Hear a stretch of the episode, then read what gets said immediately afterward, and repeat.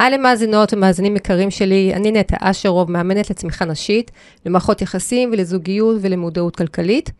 יצרתי את הפודקאסט הזה בשביל לשתף ולהוציא החוצה לעולם נושאים שעולים בחיים אחרי הגירושים וזוגיות פרק ב', והרבה מהאתגרים משלבים במעגלי החיים שאנחנו עוברים, ולא בהכרח נושאים שרק אה, נשואים לשעבר מתמודדים איתם, אבל אין ספק שזה אירוע שמעצים את הדילמות והתמודדויות בחיים. וחשוב לי לתת מקום לאתגרים האלה, שבדרך כלל הם לא מדוברים, אה, ועוד יותר חשוב לי לתת כלים לתכנים האלה, שאולי יעזרו לכם לעבור את זה קצת יותר בשלום, ובעיקר עם חמלה לעצמכם, שזה בסדר, כל אחד את, ה, את הדרך שלו ובקצב שלו. אה, ואני שמחה שאתם חלק מהדרך שלי. אני, אה, בשאלות שאני נתקלת בהן ביום-יום, ואני רוצה לחקור, אני מביאה את זה לפה, לפודקאסט, שמה על השולחן, ומשתפת את זה איתכם. ואני אשמח מאוד שתבקרו באתר שלי ותוכלו גם לשלוח לי תגובות ובקשות, כמו שאני מקבלת עכשיו, איזה מדהים, איזה כיף זה, אה, לשמוע מכם תגובות וגם בקשות לנושאים. והאתר זה נטע אשרוב, co.il, וגם הקמתי קבוצת פייסבוק אה, לפודקאסט אה, שלי. זה, בפייסבוק תראו, אה, הקבוצת הפייסבוק של אה, הפודקאסט אה, החיים בפרק ב'. והנה אנחנו מתחילות, זהו זה, לא אתכם, לא אשמם אתכם יותר בפרסומות. אה, אורחת אה, מדהימה, אה, זהבית גבאי. היי זהבית. היי, נעים מאוד. נעים מאוד, מה העניינים? מתרגשת. ממש, אבל את, את אלופה ויהיה בסדר, נו, יש לנו פה התרגשות. זהבית אה, בחורה מדהימה. Uh, הנושא של הפרק שלנו היום, בחרתי להביא את זה, נראה לי מאוד מאוד חשוב. Uh, זה אחוז uh, גירושין גבוה בקרב הורים לילדים עם צרכים מיוחדים. אמת. אוקיי. Okay. ולמה חשבתי, למה, למה בעצם רציתי להביא את זה? כי אני חושבת שזה, הנושא הזה של גירושים בקרב הורים עם ילדים עם צרכים מיוחדים, זה לאו דווקא... Uh, כשיש ילדים עם צרכים מיוחדים, זה יכול להיות ילדים קצת יותר אולי מתקשים בלימודים, או עם איזשהו איזשהו קושי קטן, איזושהי מחלה, איזושהי תקופה, איזשהו משהו שצריך להתמודד איתו, ואין ספק שהתשתית של הזוגיות היא לא תשתית נכון. חזקה. זה, זה מתחיל אה, לייצר פקעים ו, ובעיות, אז... זה כמו בקורונה, איך היו אומרים? משבר זה מגבר?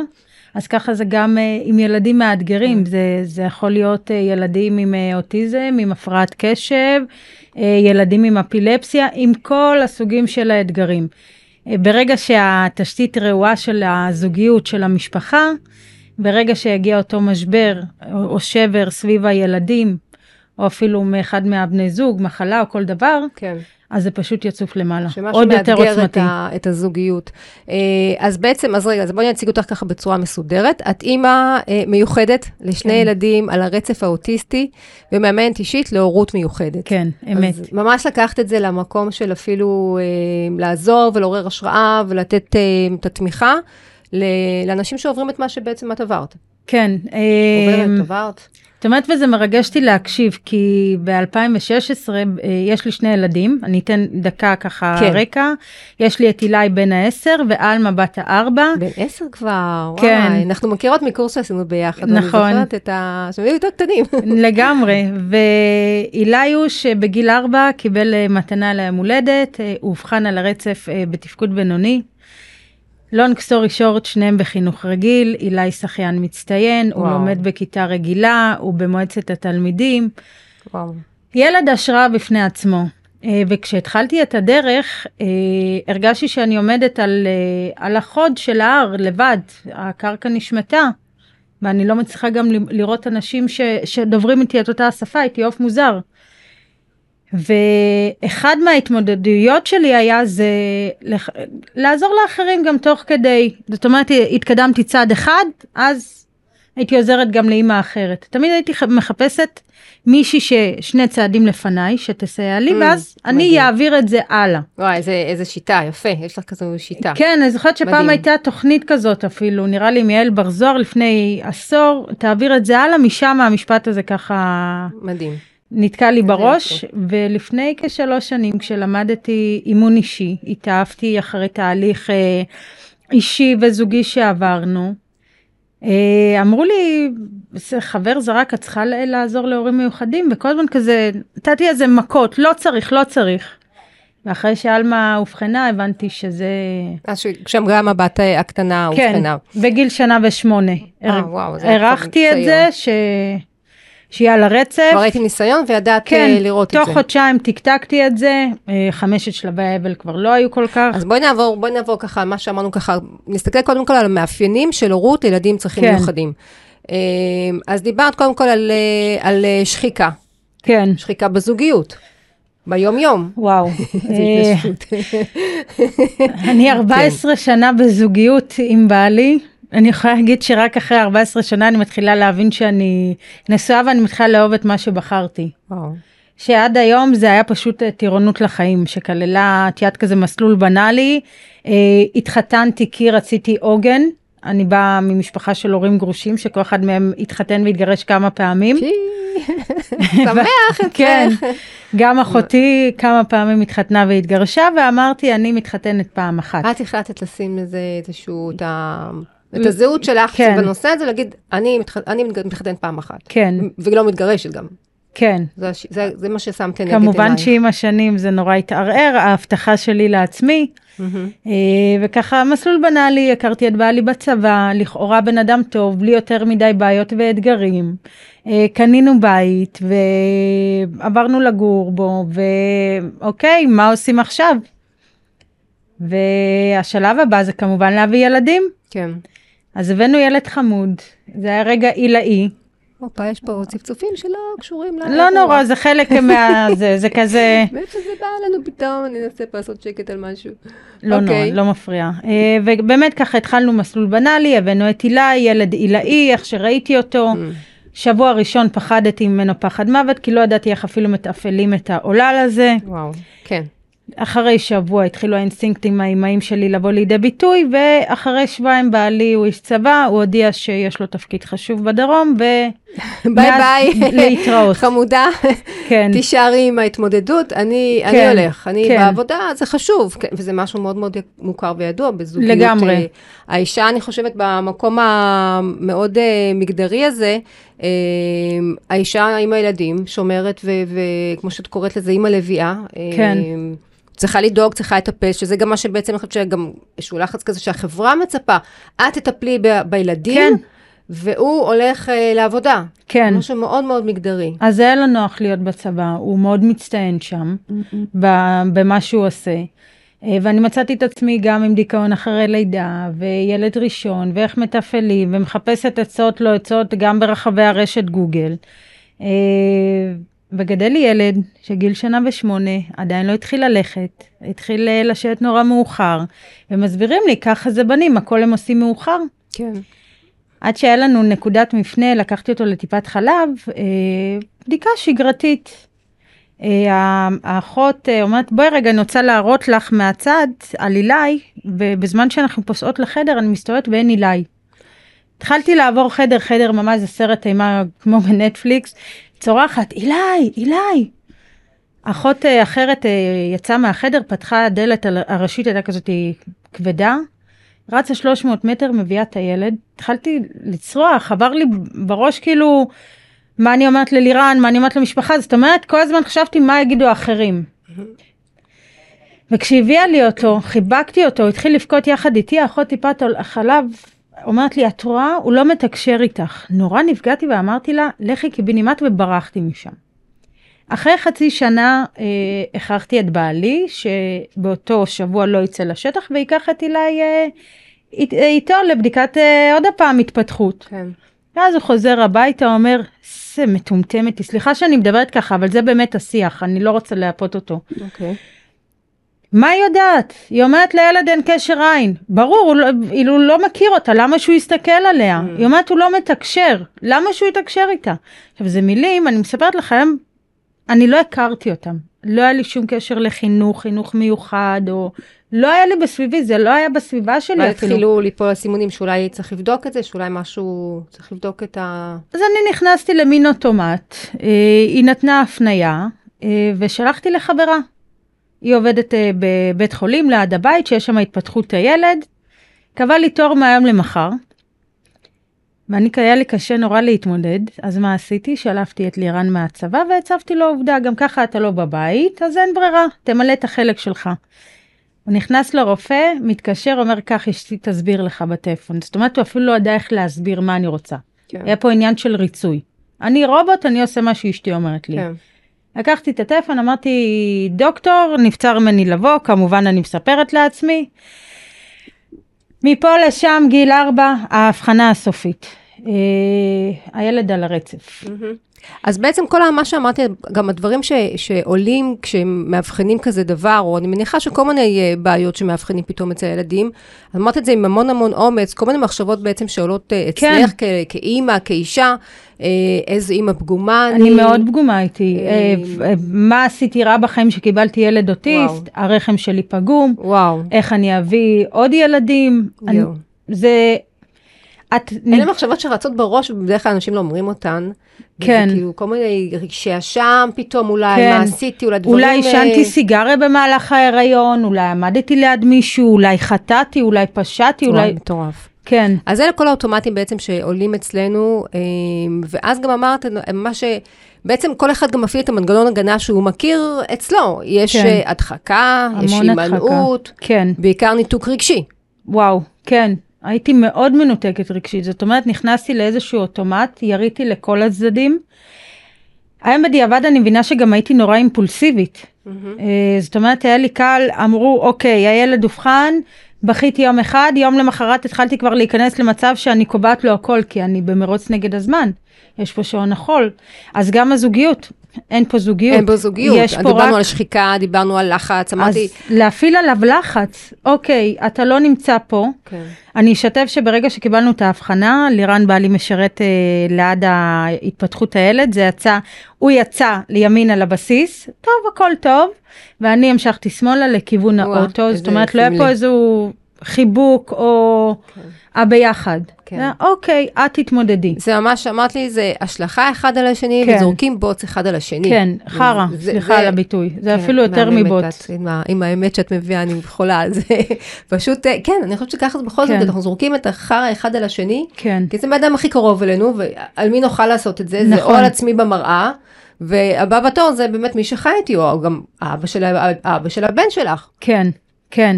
גם היה כמובן הרבה על עצמי מול המראה, כל השיח המוריד את זה.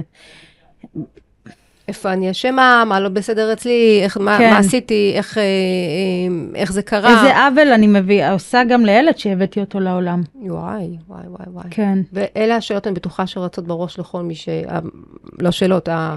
זה, זה עיוותי. חשיבה שמתחילים שנייה לפני אבחון, ביום של האבחון, ורגע אחרי, כל אחד והמקצב שלו כמובן. מטורף. אמ, אז יש את כל הדברים האלה, את כל המנגנונים האלה שעולים אצלנו, ובזוגיות ובהורות זה מתעצם בעצם. מאוד. עכשיו, אם אנחנו לא יודעים לזהות את זה, אז אנחנו בתוך המערבולת הזו, אבל את גם למדת את האימון ואת גם מאמנת. האימון למדתי יודעת- אחר כך בדיעבד. כן, כן. היום, אני- היום אני יותר חכמה. כן. אה, אמרתי לך בתחילת השיחה, משבר מגבר, קורונה, אז כמובן שכל השנים לקחתי את אילי אה, כפרויקט חיים, כי אבא שלו לא נמצא, אז יש לו רק אה, אימא אחראית פה ב- בעניין. אה, וכשהבאתי אותו לאיזושהי נקודה שככה הייתי בטוחה, אמרתי, טוב, בכל זאת אנחנו חייבים גם להגדיל את המשפחה. שנים לא רציתי לחשוב על זה, כי פחדתי להביא עוד ילד. אה, והייתי גם מכריחה את לירן, נו, קדימה, אנחנו צריכים להביא עוד ילדה. מהמם. לקח לנו שנה, כי הרוב הוא היה בצבא, בייעוץ, מה שנקרא. וכשהתעברתי עם אה, עלמה, אני אמרתי, אלוהים בירך אותי. אה, סיפרתי לעצמי סיפור שלא תהיה לי עוד ילדה על הרצף, כי עשיתי עבודה מהממת עם אילי. וככה היה לי נוח כל, ה... כל הסיפור. וכשהתחילה הקורונה, מצאתי את עצמי לבד בבית עם שתי ילדים. עם בעל מאוד חיוני למערכת, אה, שהיה חוזר רק בסופי שבוע כמו תייר, וואו. וסופג ממני המון המון אש, חרדות, מרמור ותסכול דרך הטלפון. אז מה קורה בזוגיות בשלב הזה? זה בעצם מה שעובר עלייך כאימא, השחיקה, הלחץ, אה, זורקים אחד על השני את כל הכעסים, את התסכול, אה, עייפות, פנקסנות, אני מאוד. עושה את זה, אתה לא מאוד. עושה את זה, היינו- אבל בואי, הבן אדם הולך. קם בבוקר והולך לעבודה, אבל בכל זה זאת, לא יש פה- אותי. יש פה תפקיד, יש פה תפקיד למלא. זה כל לא אחד עם התפקיד. שלו, כן. אני כן. ראיתי רק את עצמי, אני הקורבן פה. כן, אני פה כן. אימא לשניים, אחרי ניתוח קיסרי, כבדת משקל, אה, אחראית על כל הבית. זהו, זה מה שהייתי רואה. הוא מבחינתו, מבחינתי, ראיתי לו שהוא רק הולך יום ראשון וחוזר יום חמישי. Mm. לא. הייתי מסוגלת ואז לראות חוטף גם. צעקות. צעקות זה מילה עדינה, פגזים. כן. ו- שזה נשמע לי ממש משהו שנמצא בהרבה מערכות יחסים בזוגיות, ב... גם ברגיל, בשוטף, שמביאים ילדים, וצפוף, ולחוץ, וקשה, ועם כל מיני אתגרים שצריכים כמובן איתם. גם אה, אחרי עלמה, אחרי שלושה חודשים התחילו איומים על בסיס יומיומי מהצד שלי של אנחנו מתגרשים. הנה זה מתחיל, כן. כן, זה פעם בשבוע הייתי יורקת אש ואומרת את זה. מהמם. זהו, אתה חוזר הביתה, אני ואתה הולכים ל- לעורך דין, חותמים. מהמקום של הקורבן הרגשתי, לרגע הייתי מספרת לעצמי סיפור שאני אצליח לבד יותר. שהוא סתם מעמסה עליי. שהוא רק מפריע. כן, שהוא רק מפריע, כי הייתי אוקיי. כל כך מתוסכלת גם מהמצב שלי אישית, גם מ- מ- מאילי, שעדיין, את יודעת, אני חווה אתגרים, כאילו היום אני עושה, זה, זה צ'יפס, וגם עלמה, שלא ישנה טוב, שאני, יש כאילו תסמינים. הגשת בעצם לגמרי לבד, ואמרת, כן. אני בתוך הלבד, אבל מצפה שהבן זוג יעזור, כן. הוא לא עוזר, אז עדיף לו שלא יהיה, ולא יהיה לי ממי לצפות, ולא יהיה לי ממי להתאכזב. גם אני לא, לא הייתי לבד. מתקשרת לו, הייתי פשוט צורחת עליו, הכל, התקשורת שלי אליו הייתה גם אלימה, ואז Mm. הוא היה מתגונן ומחזיר חזרה, ואז זה כל הזמן היה פה איזשהו לופ. אז מה, אוקיי, אז מגיע השלב שאומרים בעצם, אה, אה, אה, אמרת לי, כשדיברנו בשיחת הכנה, אמרת משהו יפה, יש איזשהו מרוץ נגד הזמן, כל כן. הזמן לנרמל את הילד, לטפל נכון. בו, נכון. מין תחושה כזו של, הנה זהו. אני אעשה אותו כן, נורמלי. כן, זה כשהייתי בשלב של ההכחשה, כן. כי לא הכרתי לפני זה מה זה אה, ילד אה, על הרצף. אה, אני, אני בכוונה אגיד גם תפקוד גבוה, כי יש אנשים שקשה להם עם התפקודים, אבל מבחינתי תפקוד גבוה זה ילד עצמאי, שיודע איך להתנהל לבד, והתפקיד שלי כאימא היה, הייתי עושה לו ממש טירונות. מה זאת אומרת? בגלל שהיינו לבד, יש לנו גם כלבה בבית. אז מכוח הנסיבות הייתי צריכה ללמד אותו בגיל 6 לרדת לבד עם הכלבה החוצה. וואו. אז היינו יורדים, הייתי במרחק 50 מטר, וממש מאמנת אותו איך לטייל עם הכלבה, איך לאסוף אחריה, איך לזרוק. מדהים. כן, זאת אומרת, לקחתי את הרובוטיות שבו ופשוט חינכתי אותו. הוא גם מכיתה א' הולך לבד הביתה, אז ממש היינו עושים את הצעדים האלה, כי הבנתי שחוץ מאילי, אין לי על מי לסמוך, כן. מהמקום הקורבני כמובן, כי כן. אבא במילא לא בבית, אז...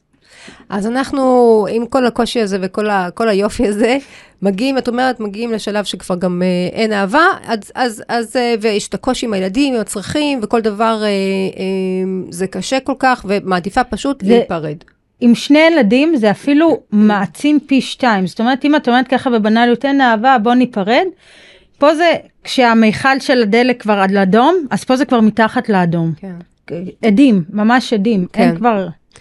ומה מה קורה אז? מה קורה במקום הזה שאתם אומרים בעצם, אה, את אומרת, אני לא יכולה להמשיך ככה. היו לנו שני מקרים. אה, כנראה גם מהלחץ שאני שידרתי איזה יום, אה, אה, אני פותחת לי לירן את התיק, חיפשתי משהו ואני רואה קופסת סיגריות. זה פיצץ אותי. כאילו, אני באותו רגע הייתי כמו שור שראה בד אדום. התחלתי לצרוח, עוף מהבית.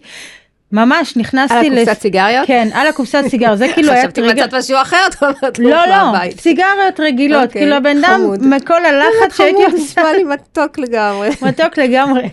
אפילו התקשרתי לאמא שלו, אמרתי, תיקחו אותו מפה, ממש צרחתי, זעקתי לעזרה, זעקתי שמישהו חיצוני יבוא, כן. ויעיף לשתינו סטירה, ויגיד, כן. רגע, יש פה הורות מיוחדת, אתם פרופורציות, כי לא היה לי שום יש פרופורציות. פה עד אירוע, מישהו. צריך, אה, צריך פה עזרה, אתם צריכים כן. עזרה, לא יודעים איך להתמודד עם איך זה. לתפעל את זה. ואז כן. כשאמרתי, אני בורחת מהבית, כאילו לעצמי, אילי עומד ומסתכל לה בעיני עגל כאלה, מה, אמא, אז את, את ואבא תתגרשו? זה זרק אותי Mm. לגיל 12 לילדות שלי, שלך. כן, כשההורים שלי התגרשו, אה, שגם אז לקחתי המון אשמה על עצמי, הייתי בטוחה שזה בגללי. נהייתי ילדה מאוד בעייתית, אה, חיפשתי תשומת לב גם בדרך השלילית, אה, הידרדרתי בלימודים, אה, ניסיתי לשתות כדורים, רק כי רציתי את שני ההורים שלי. וואו. ואז זה כזה נורא זרק אותי, ואמרתי, אוקיי, אוקיי, הבטחתי לעצמי, מתחתנת פעם אחת, ואם אני עוד שומעת את זה מילד על הרצף, זה לא סתם. Mm. בכל מקרה יצאתי מהבית, אמרתי ערן לא חוזרת, ואז כשאני יושבת באוטו אני רואה ששכחתי את השעון ספורט, שזה היה הדבר הכי יקר ערך שלי. נסעתי לצד השני של השכונה ובמשך שלוש שעות, רק אני הורה עליו הרס, אתה ככה, אתה ככה, כן. כן. כן. עד שהוא הצליח לרכך אותי, באתי הביתה ופשוט התפרקתי כמו ילדה קטנה בתוך הזרועות שלו. ולאט לאט אה, ראיתי שגם הוא מוכן לעשות שינוי, ככה. ואז חודש אחרי אבא שלי נפטר מהקורונה, אה, ולירן כמו לירן לא תמיד יודע להראות רגשות, והרגשתי שבאותו שבוע נורא קשה, הוא לא איתי, הוא גם היה צריך לצאת לשטח. תתארי, אני יושבת בשבעה, בת יחידה מתוך לא יודעת כמה חצי האחים יש לי, אימא שלי נכה לא יכולה לעזור לי, ואני צריכה גם לתפעל אה, שבעה וילדים. קמתי מהשבעה, הלכתי לעורך הדין, אמרתי זהו, נגמר הבית מלון. כנראה קיבלתי כאפה מאלוהים שאני צריכה להתחיל לחיות את החיים שאני רוצה. יש לי פה בעל, מבחינתי בלי שאיפות, שרק בורח לצבא, לא עוזר לי עם הטיפולים של הילדים כי נוח לו שהוא בצבא. אנחנו צריכים אחר כך בסוף גם לאזן זה, כי בעלך הוא בן אדם מקסים, מדהים. ברור, אז אבל תכף אני. תכף אאזן, אבל אני בכוונה מוציאה את כל ה... אלה התחושות שבהתחלה זה מה שהרגשת בשלב הזה בתהליך, זה מה שהרגשת. כן, אני, באמת חשוב לי לבוא ולספר את זה, כי לבוא ולספר כמה הוא מקסים, אני אספר לכם. אבל לרגע את האמת קצת לפני, זה לא האמת שזה מה. שמדהים שבעצם אנחנו, הכל בעצם תלוי בנקודת הסתכלות שלנו ובתפיסה שלנו של כן. הסיטואציה. הכל כזה מהנקודת מבט שלי. בדיוק, כשאת היית במקום שאת סובלת וקשה לך ולא יודעת, כן. אין לך כלים להתמודד, אז כולם מסביב נוראים, ובן כן. אדם הכי קרוב אלייך עוד יותר, הכי נכון. נורא, שהוא בעצם השותף שלך. וכשאת הצלחת לעשות עבודה עם עצמך, ולצאת מהמקום הקורבני, ולהתחיל לקחת אחריות, ולהגיד, רגע, זו סיטואציה, איך אני יכולה לנהל אותה, כן. ואיך אני יכולה לעשות את זה למשהו שאני כן רוצה שיהיה. מגיע לו פתאום- פרס נובל על זה שהוא איתי, זה זה בטוח. אז פתאום גם הוא נהיה, הופך להיות בן אדם מקסים ומדהים. הוא מהמם, באמת, זה- זה כאילו, מטורף, הוא זכייה ה- בפיס עבורי, אחרי כל מה שעברתי כל החיים. ומה שקרה אחרי שקמתי פשוט מהשבעה, לא נקבל פה איזה תביעה מלירן, לא לא, יודעת, לא, לא, דיבה. אני, אז אמרתי לך, אני. אחרי 14 שנה, אני אוהבת אותו אהבת נפש, הוא באמת. ואז, אז מה, מה, אז אני מה רגע הצ- חוזרת איתך לאותה נקודה. לעצור את זאת אומרת, היו שני אירועים שאת אמרת כן. בהם, אה, רגע, יש שאל פה- אותי, כן, נכון, יש ו- פה איזה משהו שאנחנו כן. צריכים לקבל החלטה מה אנחנו עושים עם זה, כן. והחלטתם, החלטת, אני לא רוצה את גרש, אני רוצה לנסות את הכל, כדי כן. שזה כן יעבוד. ואז אחרי חודש אבא שלי נפטר, אמרתי, הבן אדם לא היה איתי. כמובן שהייתי קורבן. באותה תקופה רק התחלתי את הצעדים שלי בתהליך אימון אישי, והמאמן שלי אמר לי משפט שנורא עצבן אותי אז, תהיה שינוי שאת רוצה לראות אצל אחרים. כן, שגנתי. איך אתה, איך אתה אומר לי דבר כזה? אני הקורבן. פה. נכון. אני רואה את עצמי, שזה דרך אגב מחשבה מאוד אוטיסטית. Mm, לראות את העולם רק שלי, לא מעניין אותי מה קורה בחוץ. כן. זה רק עולמי הפנימי שרועש וגועש. וכשלירן הבין שאני רצינית, אה, הוא התקשר לקואוצ'ר שלי והוא התחיל איתו תהליך. ולאט לאט התחלנו תהליך של אימון זוגי. ופגישות ראשונות רק היינו, כמו שהייתי מספרת לך, היינו יורים אחד על השני, עד שבאחד הפגישות הוא אומר, מעכשיו המילה גירושים לא מוזכרת פה. נכון, לא להעלות את המילים האלה, כן. הבעיה במרחב. הכי גדולה אצלנו בבית זה בעיית תקשורת. הילדים על הרצף, זה לקות תקשורתית מן הסתם. והתקשורת שלנו, שוב, כמו שאמרתי לך לרגע המחשבה האוטיסטית, קראתי לזה זוגיות אוטיסטית. מהמם. אני לא רואה אותו, הוא לא רואה אותי, ואנחנו כל היום עם פנקס, לא פנקס קטן, אלא פנקס A4. את ככה, אתה ככה, אתה לא, את לא, וככה כל היום, וזה גם מעל הראש של הילדים. בהרבה, כן, בהרבה מערכות יחסים זה נמצא שם בלי שום קשר לילדים אה, על רצף או לא. זה נמצא... אני לא יודעת. זה לא נמצא, מכירה. מי שמגיע לגירושים בטוח חווה את זה, את המקום הזה של אה, את הפנקסנות הזו. אין ספק, זה שם, זה שם. אז זה טוב לדעת, כי עד, אני לא, משתדלת לא להסתכל על הדשא של השכן, אני פשוט יודעת כמה אצלי זה אה, מוגבר. דברים מאוד נורמליים, מאוד טבעיים, שכשכל אחד יש לו איזשהו קושי, אז אנחנו... אה, זה ברמה ש- האוטומטים שלנו, אלה האוטומטים. אז זה ברמה שעלמה הייתה עושה משהו שהיה מחרפן את שנינו, ובמקום לעזור לילדה באותו רגע, היינו פשוט יורים אחד על השני, וואו. חצי אש. כן, מדהים. אוקיי, אז ב, אה, מה החלטתם? מה, מה עשיתם? אז לירן עובר תהליך? את עוברת תהליך? לירן התחיל תהליך, אה, אני המשפט הזה של גנדי נורא מהדהד בי, איך זה יכול להיות, כאילו, אני הקורבן אני, פה. אני עושה הכי טוב, אני, אני, אני בסדר, אני... כן, צריך גם, לתקן אותו. בדיוק, ואז גם אה, זה היה בתקופה שקיבלתי את ההזדמנות חיי והייתי בחל"ת קורונה. אז היה לי יותר זמן להתעמק בעצמי. אמרתי, אוקיי, אם קיבלתי פה איזושהי הזדמנות וגם אני משנה זהות, פתאום אני בן אדם שלא עובד, התחלתי ממש להתעמק בעצמי. אמרתי, אני מתחילה לקלף את כל השכבות שלי. וככל שהתחלתי לקלף, ראיתי קודם כל שזה משפיע ישירות על הילדים.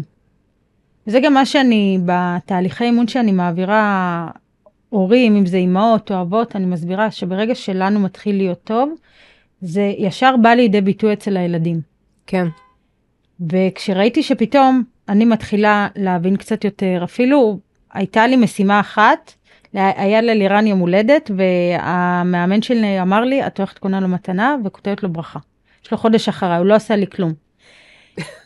והייתי צריכה להתעלות, כאילו הייתי צריכה בשיניים נכון, לצאת כן. מעצמי כדי לתת את זה, והבנתי שגם פה בזוגיות שלי אני חייבת להתחיל דוגמה אישית, כמו שאני עושה מה עם עזר לך הילדים. להתעלות? מה זה הלהתעלות הזה? מה עזר לך? מה אפשר לך להתעלות? קודם כל להבין שיש פה אבא לילדים שלי, מהמם. שאני לא רוצה לשחזר את הזוגיות של ההורים שלי, שהנה אה, משהו התקלקל אז זורקים, וואו. אלא אפשר לבוא כן. ולתקן פה. וככל שראיתי שאני אפילו מהווה דוגמה אישית לילדים, לצורך העניין לאלמה היה מאוד קשה ללכת לסופר, להחזיק, זה היה מאוד מציף אותה. ובחשיפה ובהדרגה ובדוגמה אישית הצלחתי להביא אותה למצב שהיא עוזרת לי בסופר ולעשות את זה חווייתי. הבנתי שאת הדפוס הזה אני צריכה גם להעתיק לזוגיות. מה זאת אומרת? כל מה שרציתי לקבל אני צריכה לתת. מהמם. אבל לא לתת ותבין לבד מה אתה רוצה. כן. אלא ממש להתחיל לתקשר את עצמי. זאת אומרת, בגלל הלקות התקשורתית בבית, לא ידעתי לתקשר את עצמי כזהבית, כאימא, כאשתו של. הייתה לי ממש בעיה תקשורתית בעצמי. ולאט לאט התחלתי גם לתקשר את עצמי, אה, לשאול את לירן, מה אתה רוצה? איך אתה רוצה? כן. וכל זה גם מעל הראש של הילדים, כי עד היום מהמם. הם היו חווים שני הורים, כל אחד ב- בעולם כן. שלו ובקושי שלו בעיקר. כן, אני חושבת שבכלל כשאנחנו בהתמודדויות עם מצבים קשים, קשים בחיים, אה, בכל משבר יש את, ה, יש את חמשת שלבי האבל, כן. שאנחנו, מה שאת גם מדברת על זה ב, בתהליך שאת מעבירה מתאמנים, של הכחשה, קודם כל ויכוח עם המציאות, שמישהו יגיד לי שזה טעות. כן. בטח גם, זה גם אחרי, גם במצבים של גירושים מאוד חזק. כעסתי נורא על הפסיכולוגית שאבחנו לי את הילה, אמרתי, "אה, זה, זה, Mm. זה קונספירציה של הבית חולים לאבחן. ההכחשה קודם, ואז יש כעס, ואחר כך השלב השלישי זה שהוא מיקוח ומשא ומתן עם המציאות. אה, אני אשמור שבת, רק אמרתי כדי שזה לא... עולם, כאילו, אני ש- אשמור כן. שבת, רק תעשה לי תיקח לו את זה, כן. ממש ככה. אני חושבת שגם בהליכי גירושים, הרבה פעמים יש את המקום הזה שאומרים, אה, אני אשמור שבת, רק שפתאום שזה ויהיה כן. בסדר, כן, ונחזור, והכל. את הולכת בצורה. מאוד קיצונית, כמעט כל ערב הייתי בהפרשת חלה ומחכה לאיזה נס גלוי שעכשיו פתחו. שערי השמיים ויקחו לו את זה. ואז מגיעים ל- ל- לשלב של, יש איזשהו דיכאון שאומרים, אוקיי, הכל חסר טעם בעצם, אני שום הייתי דבר לא חיה עוזר. מתה. אני שמה גם קיבלתי את ההתמוטטות ה- הנפשית שלי. הגעתי לבית חולים וכל הדרך. אה, באמבולנס אני צורחת, אסור לי למות, יש לי ילד אוטיסט. little I. ואז כשהגעתי לבית חולים, הרופא מסתכל עליי ואומר, את גברת, כזו, כזו שמחת חיים, אני כן. צוחקת כי כאילו לא, לא קשה לי לחבר את זה, את כזו, את אז כן, לא הייתי צובעת, הייתי עם נראית כמו... שמחת חיים כזו, תמיד, אה, אה, ויש לך כזה גם אמרות וחוכמת חיים, אז כאילו קשה לי לחבר את זה, זאת אומרת, נראה לי אמרת את זה בהומור, לא באמת התכוונת לזה. לא, אז הייתי, התכוונתי. היום, אני מקלילה, היום הומור כן. הוא ערך מאוד חשוב לי, ובאותו יום אה, הרופא אומר לי, גברת, את לא הולכת למות, תירגעי, פרופורציות. סך הכל התקף חרדה, חריף מאוד, אני רושם לך ציפרלקס ותצאי לדרך. וכשהוא אמר את המילה הזאת, הרגשתי כישלון מוחלט. הייתי בן אדם מאוד מרצה, מאוד היה חשוב לי מה אחרים יגידו. אה, ושלושה ימים לקחתי פסק זמן מהחיים והחלטתי, טוב, אני חייבת לקום ולהתחיל לשנות את המצב. אז יש, ואז יש בעצם, וואי, זה ממש לפי, לפי השלבים, יש את המקום הזה של uh, קבלה, ורק אחרי שיש בעצם קבלה, אנחנו יכולים לצאת לדרך ולעשות משהו חדש, כי אחרי שקיבלנו את המצב, אנחנו יכולים בעצם לבחור משהו, לבחור שאני רוצה להסתדר, לבחור שהחיים שלי יותר טובים, ואני בוחרת עכשיו ולוקחת אחריות בידיים שלי, מה יכול להיות באחריותי ומה אני יכולה לעשות. אלה בעצם השלבים שכשאנחנו מתמודדים עם משהו, עם איזשהו קושי, אנחנו, אני חושבת שעוברים את השלבים האלה בצורה כזו או אחרת, לפעמים גם לא, לאו דווקא באותו השלב, באותה עוצמה, כן. באותו, באותו פרק זמן. עם אלמה זה היה כזה הילוך מהיר, כאילו טוב טוב בסדר, הגעתי מהר מאוד להקלה, בעצם. אמרתי אוקיי, פה פשוט התהליך קבלה שלי זה כמו שאני עכשיו גם נותנת הרבה דוגמה, יש את השיר אה, כל אחד אה, יש לו תיק קטן, מכירה? כן. ואני אומרת, לכל אחד באמת יש תיק קטן בצורת אה, אוטיזם, הפרעת קשב, אפילו תיק חרדה. גדול, אני חושבת. וזה לקבל אחריות שזה שלנו, שאנחנו באים אחד פלוס אחד ולא אחד מינוס אחד, וזה פשוט לקחת את הדבר הזה, ההבחנה הזאת, שלא משנה מהי, אני, אני אומרת אוטיזם כי זה מהבית שלי, מהמם. ולהבין מה טוב בזה. זה ממש לפסוע צעד אחרי צעד וכל פעם לקחת את האיכויות. כמו שאמרתי לך שהבנתי שקל לי לתכנת את אילי כמו רובוט, אז פשוט קיבלתי אותו איך שהוא, אחרי שקיבלתי את עצמי כמובן. ולאט לאט התחלתי לאמן אותו גם בכישורי חיים. כאילו אני יושבת איתך פה הילה עכשיו בקייטנת בינה מלאכותית לבד הדליק מחשב, וואו. כאילו כל מיני פעולות שזה מדהים. לא איזה טריוויאלי. מקום הצלחת להביא כן. אותם, את הילדים. מדהים.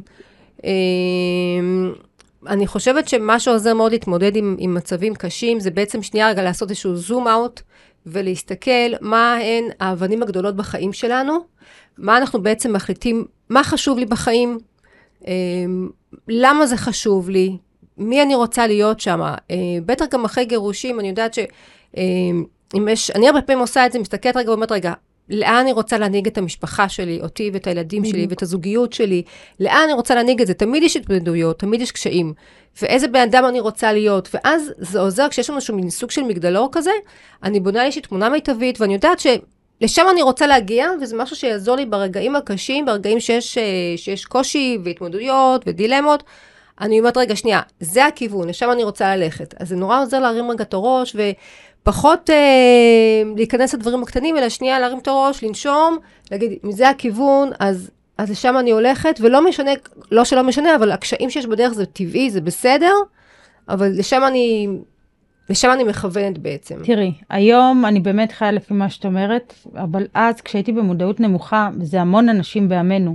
הם לא יודעים כבר לדבר כמונו, כאילו היום גם אני חושבת, אם נכון. יבוא לי אתגר, אז בסדר, זה חלק מהתהליך, הכל טוב, איזשהו חור במדרגה, נסייד את אותו, יודעת שזו נטפל בו. אבן קטנה בתוך האבנים הגדולות, שהם, בדיוק. שהם בדרך שלך. את יודעת שזה משהו שהוא, להתייחס לזה כאל משהו שהוא לא כזה, לקחת את הדברים בפרופורציה, זה עוזר לשים את בדיוק, הדברים בפרופורציה. בדיוק, זה ממש לקחת לתחם ולקחת איש או אשת מקצוע שיעזרו. ממש, אני חובה. חייבת להגיד כן. לך, אני קוראת לנו משפחה בטיפול, כל אחד מאיתנו יש לו את הטיפול הרגשי, אה, גם בעולמות הספורט, תכף אני גם אספר, אבל לא לעבור את זה לבד, תמיד לקחת איש חיצוני שישקף, שיסביר, כן. בדיוק כמו שאת אומרת, שיראה רגע את המגדלור הזה שם בסוף, שייתן נקודת אור, שאותו אדם שמתמודד, לבד אנחנו לא, גם עם שיחה עם חברה טובה, כן. זה עדיין לא כמו לשבת אצל אה, מטפל או מטפלת כן. ולאבד את הדברים. כן, אני חושבת שזו המתנה הכי גדולה שבן אדם יכול לתת לעצמו, זה שהוא זה תהליכים, תהליך, תהליך טיפול, כן. פעם בכמה זמן. וכאילו זה לא כן. חד פעמי, אני חושבת שזה פעם בכמה זמן. אני כבר שלוש שנים עם הקואוצ'ר וואו. שלי, וזה משהו שאני לא מוותרת עליו, כי אני משבוע לשבוע משתדרגת בעצמי, וזה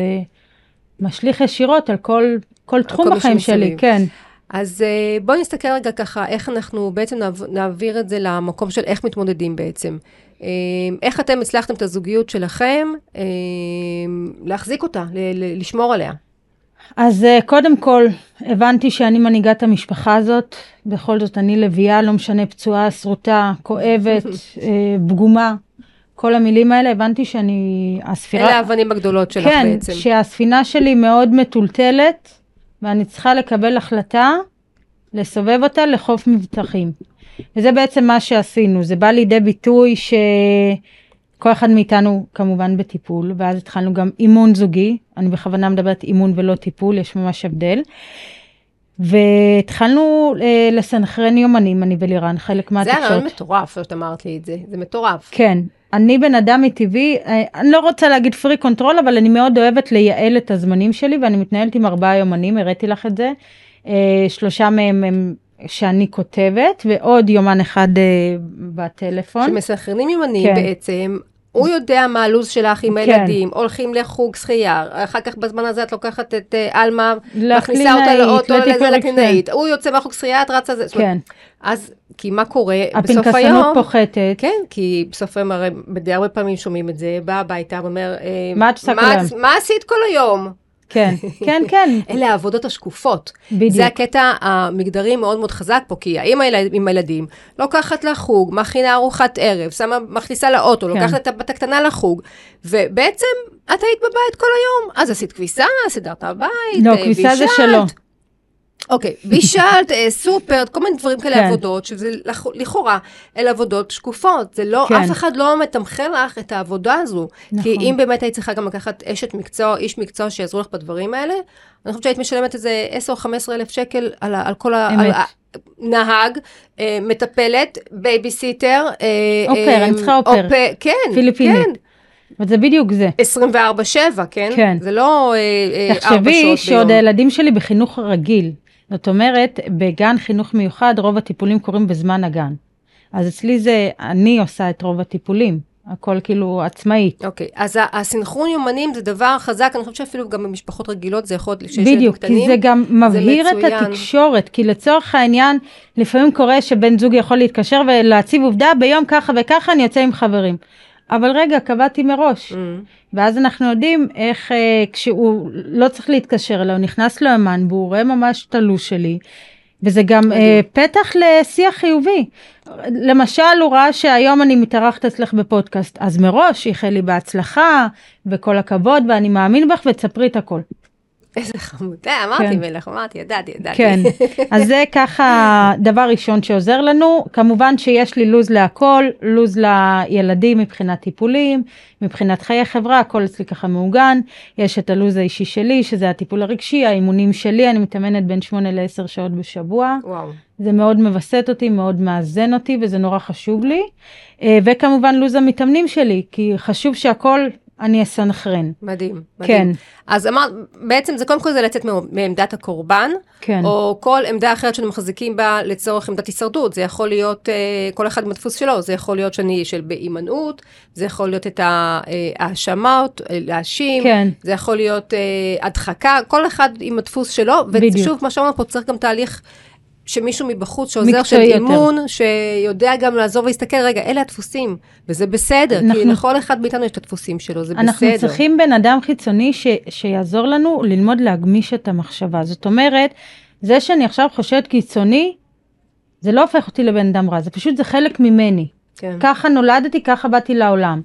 ומתוך המקום הקיצוני, המחשבות האלה, אפשר לייעל אותם למקום יותר טוב. כן. אה, אמרת, אה, יוצאים מעמדת הקורבן, לשים לב להרגלים שזה מייצר לנו אה, תקשורת, תקשורת שלי עם כן. עצמי ושלי כן. עם הבן זוג. כן, זה ברמה של, אה, למה אמרתי לך חשוב לי יומן, לצורך העניין כשאני מרגישה שאני כבר שחוקה או עמוסה, אני מרימה אמברקס ואני מבטלת את כל היומנים ומודיעה לכולם, אני היום ביום התבוננות, חופש או כל דבר, כי אם אני לא אמלא את עצמי, איך אני אוכל לסייע לאחרים? פתאום גם לקחת אה, לאותה שחייה, זה יהיה בשבילי נטל. כן, נכון, נכון. כשזה משהו שהוא לא מדויק ולא יושב טוב, אז זה, זה כן. הופך להיות מתיש. בדיוק. כן, נכון. אה, אז אה, אמרנו סנכרון ימנים, ואמרת משהו נורא מאוד יפה, זה הנושא של הגדרת זהות. אה, גם, אני חושבת שגם בהליך גירושים יש את זה, או אחרי גירושים, כשצריך להתחיל ככה מחדש. אני בעצם מגדירה את הזהות שלי, שוב, זה חלק מהאבנים הגדולות בדרך כן. שאני רוצה, לשם אני רוצה להגיע. אם הזהות שלי זה אימא לתא המשפחתי החדש, כן. אני מדברת רגע במקום הזה של אנשים אחרי גירושים.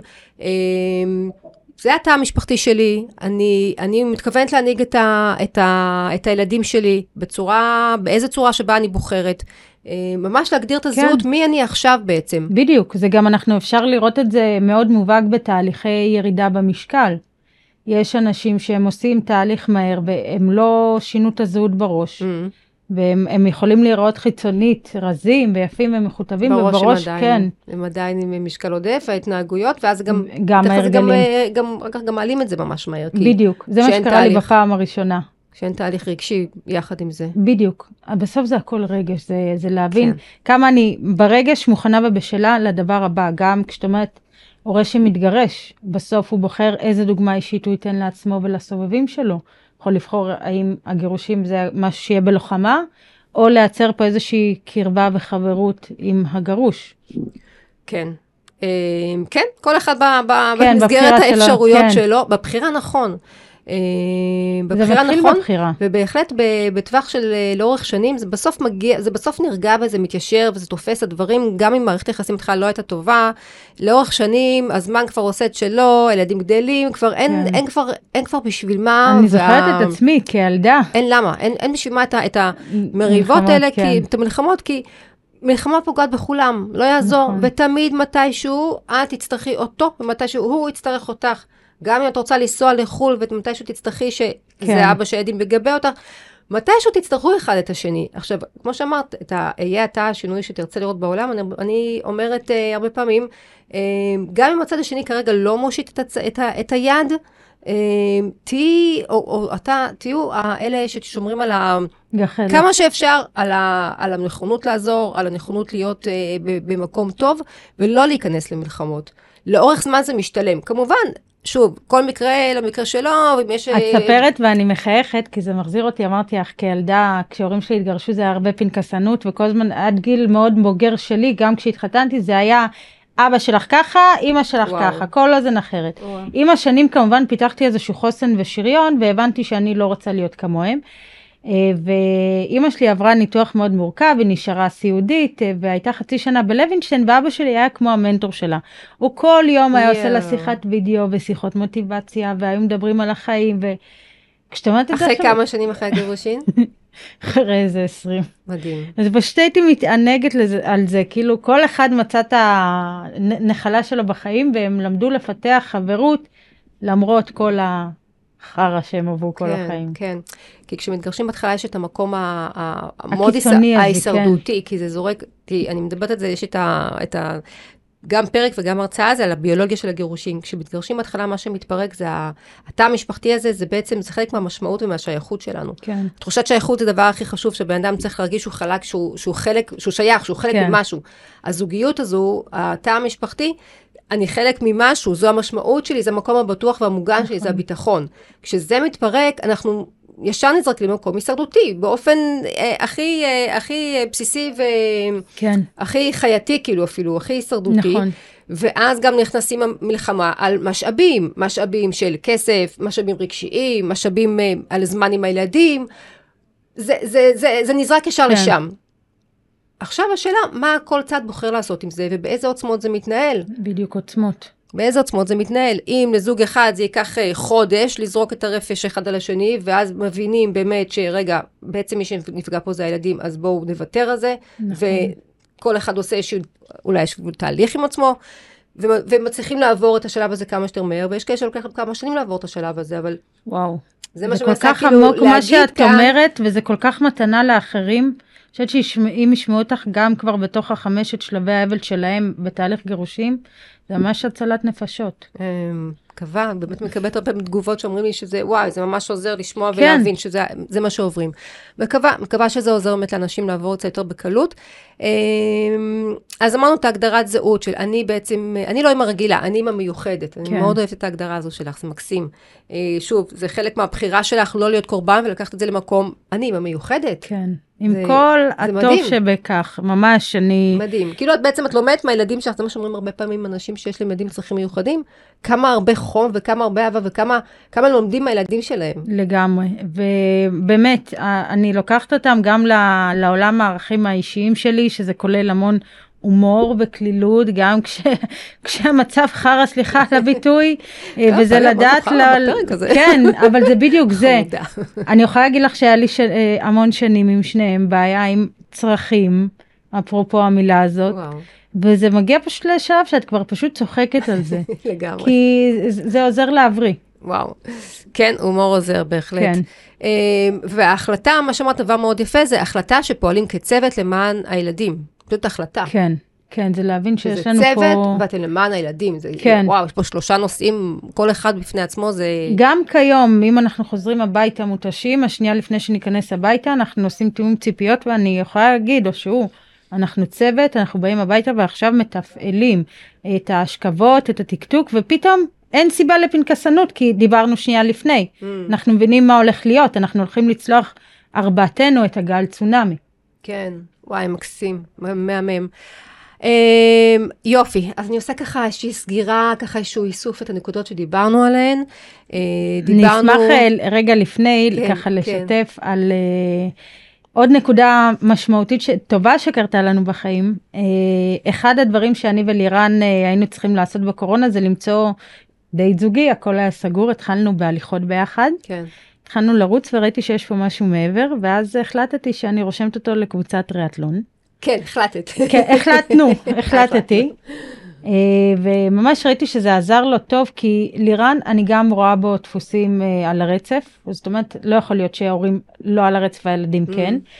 אה, הוא נפתח מאוד ורבלית ותקשורתית והכל, ואז ראיתי שטיפה גם היחסים בינינו התחילו לדעוך. והייתה פרסומת אה, שאיירון מן מגיע לישראל בפעם השנייה. התקשרתי למאמן שלו, אמרתי, אני רושמת אותו, מקסימום ניפגש במקום אחר. הגשתי ללירן ואמרתי לו, תחליט לצאת למסע שלך, שזה מסע מאוד מפרך, ואנחנו נהיה יחד איתך. ובמשך תשעה חודשים עברנו את זה כ- כ- כמשפחה, זה לא קל כל שבת שאין אבא כי הוא עייף. וכשעמדנו בתחרות על קו הסיום, ועלמה שעד אז לא כל כך דיברה, והיא אמרה כל הכבוד הבושי, זה היה בשבילי החותמת גומי שכל מה שעברנו עד היום, כל המשברים, כל הכאבים, זה היה שווה וזה התנקז לאותו רגע. והיום אנחנו ביחד אה, מתאמנים באותה קבוצת ריאטלון. איזה חמותי מתאים, כל הכבוד, מהמם, מקסים. אה, ממש סיפור מעורר השראה, אז בהחלט יש פה את ה... מה שדיברת על ההתמודדות, זה אחד אמרנו, קודם כל זה לצאת מעמדת הקורבן, אה, שתיים זה לשים לב להרגלים שכל אה, התמודדות הזו בעצם מייצרת לנו, ולהחליט שאת ההרגלים האלה אני רוצה... לנסות להכניס שם משהו נוסף, אני לא אומרת לשנות הרגלים, כי זה משהו מאוד מאוד, זה, זה תהליך, זה לוקח זמן, זה כן. לוקח זמן, אני לא פה עכשיו, טוב, תשנו הרגל. לא, לא, זה לא ככה. בקטנה, ממש כל יום מילימטר. בדיוק. קודם כל זה להיות מודעים להרגלים שלנו, כן. ואז להגיד, רגע, אני בעצם אה, אה, בוחרת לעשות פה איזשהו, להרחיב את האפשרויות, לתת עוד אפשרות של תגובה, חוץ מאשר כן. האפשרות הרגילה שלי, של נעלבת ומתנתקת ו... ו, ו כן, זה נמנעת. אפילו הרגל יכול להיות, אם הוא יגיד לי ככה, אז אני מתרגלת אה, לשקף לו את זה בצורה יותר עדינה. אוקיי. כי בסוף בני זוג, על מי הם יציעו? הם לא יציעו את זה על, אחרים. בסוף בני זוג הם גם עוגן. אז קל לעוגן להוציא גם את כל הדברים הפחות טובים. אז זה גם ל- ללמוד, להתרגל, לתת את המרחב הבטוח הזה, להוציא רגע את הרפש, כדי להמשיך ליום יותר טוב. מקסים. אה, דיברת על נושא של תקשורת, שזה קודם כל תקשורת שלי עם עצמי, באמת כן. להכיר את עצמי ואת את האוטומטים שלי, ותקשורת עם הבן זוג, כמו שאמרת עכשיו, שזה המקום, אמור גם העוגן והמקום הבטוח שבו אפשר רגע לבוא ולהוציא החוצה את הדברים, כן. מתוך מקום שהוא אבל מקום בטוח, ולא מתוך אה, האשמה והתכות, ו... אלא במקום שיהיה כדי לעשות את זה למשהו יותר טוב. אה, סנכרון יומנים זה משהו מאוד תכלסי, שהוא טיפ שאת נותנת כאן. כן. סנכרנו יומנים, כל אחד יודע מה באמת הפעילות, מה הדברים יש שאת לי עושה. נוהג, הרגל, כל מוצאי שבת, אני יושבת, מעדכנת יומנים, שואלת אפילו את לירן, יש לך משהו חשוב, באיזה ימים אתה יוצא ללינה מחוץ לבית, ואז הבהירות הזאת, היא מונעת המון תסכולים, כי הכל בהיר כמו שמש. מקסים. אה, הגדרת זהות, בעצם הזהות כן. של אני לא אימא רגילה, אני אימא מיוחדת, או אם זה נגיד... עכשיו תשאלי אותי מה זה אימא רגילה, אני לא יודעת, זה לא מעניין אותי להיות שמה, כי יש לי את כל האיכויות שלי. כן, מקסים. אה, וההבנה היא שאתם אה, כזוג פועלים כצוות למען הילדים. כן. שאתם- וגם אתם- כמובן שהילדים הם גם חלק מהצוות. כן. אה, אני חושבת שהנושא הזה של צוות זה גם במשפחות של הורים אחרי גירושים, כשהתא המשפחתי זה נגיד האבא עם הילדים, האימא עם הילדים, אה, אנחנו צוות, וזה, וצוות ואנחנו פועלים זה ביחד. צוות שהדינמיקה השתנתה, ופשוט כן. צריך אה, להתכוונן לאותה דינמיקה. כן, כן, וזה בסדר שגם יש שני בתים, והאבא זה צוות עם הילדים, והאימא זה צוות עם הילדים, והילדים רואים וחווים בשני בתים שונים, אולי נכון. קצת דפוסים שונים, קצת הרגלים שונים. זה... זה מרחיב אופקים פתאום. בדיוק, לגמרי, זה ממש, ממש נותן עוד איזשהו זווית ראייה של דברים, אה, על הדבר, אה, זווית הסתכלות על, על הדברים, על החיים. אה, אז אנחנו, אה, זהו, זהבית, איפה אפשר לפגוש אותך, מי שרוצה לראות, אה, להתאמן אצלך, או לעקוב אחרייך? אה, אה, בפייסבוק זהבית גבאי, לייף קואוץ', או באינסטגרם אה, זהבית, לייף קואוץ' פור אוטיזם. אה, אני משתפת ממש את כל הקרביים שלי, אני חושבת שלבוא ולרשום חמשת ההרגלים או שלושת הטיפים כן. זה כבר פחות ממני, אני ממש משתפת בהצלחות שלנו בצד היפה של האוטיזם. מקסים. אה, ואני מזמינה אתכם, יש לי הרצאה חדשה בנושא של מודעות והתנהלות כלכלית. אה, תזמינו אותי, אני באה להרצות, זו הרצאה של סדנה של שעה, וואו, אה, עשיתי את זה, זה מדהים, גם... אה, אגב, זה גם נורא חשוב להורים מיוחדים, כי יש גם את העניין של ביטוח לאומי, שמגיעה קצבה, ואיך מנהלים אותה נכון, איך מייעדים אותה לטיפולים, לטיפול של, ה, של ההורים גם. זה גם כן, נורא חשוב. התנהלות כלכלית, כן. מודעות והתנהלות כלכלית, אז אני, קודם כל, זה דגש על נושא של מודעות בכלל. כן. אה, כמו שאמרת, זה כמו גם בתזונה, אה, אה, זה הכל עניין של הרגלים שלנו בחיים. כן. אז אם אני מודעת ושמה את הפוקוס על משהו, אז משהו, אז יתרחשו שם דברים. וזו כן. הרצאה, תמיד יוצאים ממנה אנשים עם, עם, עם מאוד מאוד תכלס. אז זה גם מדבר מודעות, וזה גם כלים ברמת האקסלים. את מדברת והעיניים שלך בורקות, זה אומר המון. אני, אני מאוד אוהבת את זה, כי זה גם את הנושא של מודעות, וזה גם גם תכלס. כן. יוצאים, מה, יוצאים מההרצאה הזו עם, עם תכלס, עשיתי את זה גם בפני חיילים וגם בפני קבוצת אימהות יחידניות, זה היה מקסים. שליחות. Uh, תודה. ואני שמחה להזמין אתכם, אמרתי, לקבוצת הפייסבוק החדשה שפתחתי לפודקאסט, יהיה לי קצת, אני מאתגר uh, גם uh, לתחזק אותה, אבל אני ממש מקווה שאני אצליח לעשות את זה. Uh, תוכלו uh, לשתף דברים שעולים בפרקים, ואם תרצו שאני אעשה פרקים בנושאים, מסוים, בנושאים מסוימים, אז הקבוצה הרשמית של הפודקאסט, החיים בפרק ב', ככה זה נקרא בפייסבוק, וגם שם יש לינק למדריך שהכנתי, המדריך להתנהלות כלכלית, תוכלו פשוט להוריד את המדריך, חינמי לחלוטין. אמ, זהו, יקירה, אז אנחנו סיימנו. תודה רבה. היה לי ממש כיף לארח אותך. תודה על הזכות. נושא חשוב, ותודה רבה.